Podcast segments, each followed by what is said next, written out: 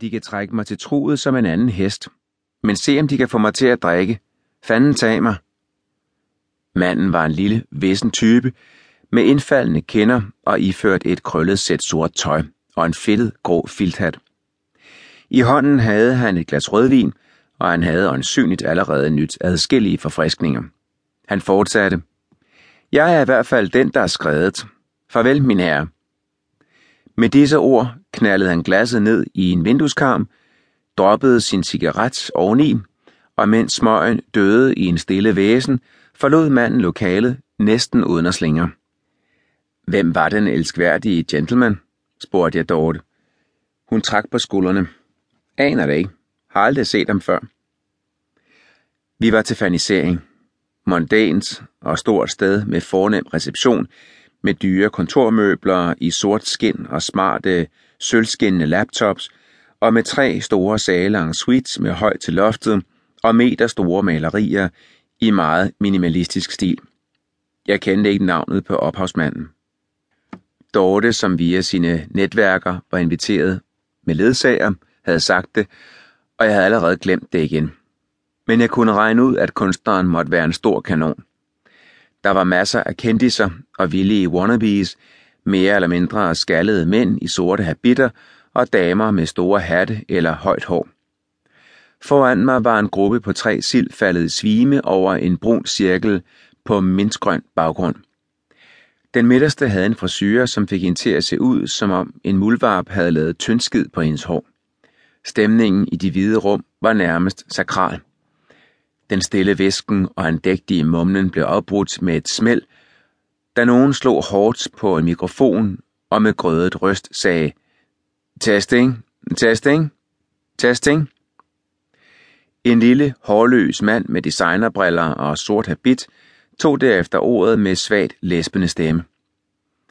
Mine damer og herrer, velkommen, velkommen til Galeri Krone, og velkommen til vores nye lokaler ved vores allerførste reception her i Kødbyen.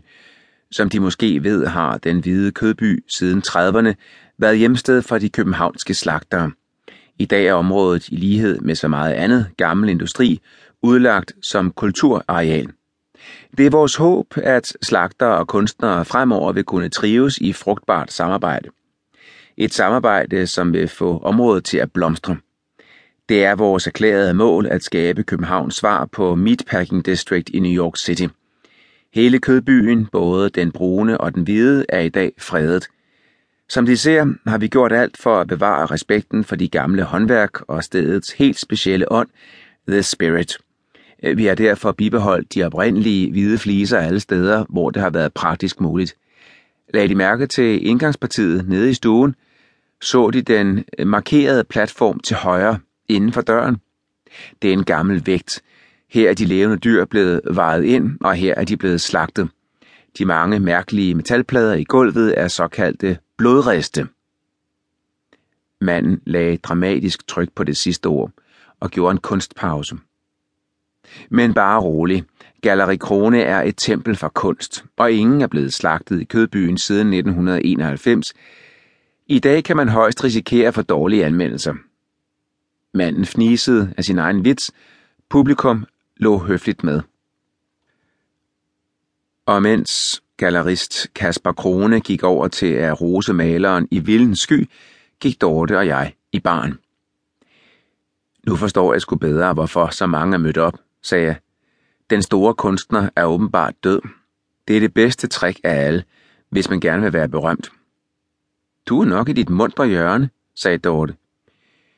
Nu, som altid, og intet sælger som døden.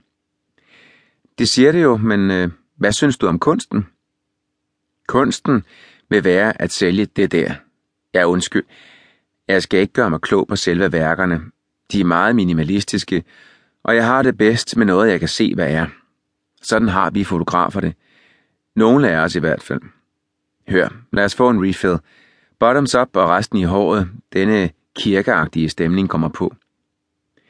I det samme lød høje brøl inden fra sal 1. Det er kraft med noget svineri. En skandale. Det er fandme en hård mod os alle sammen. At hænge sådan noget lort op. En kraftig mand med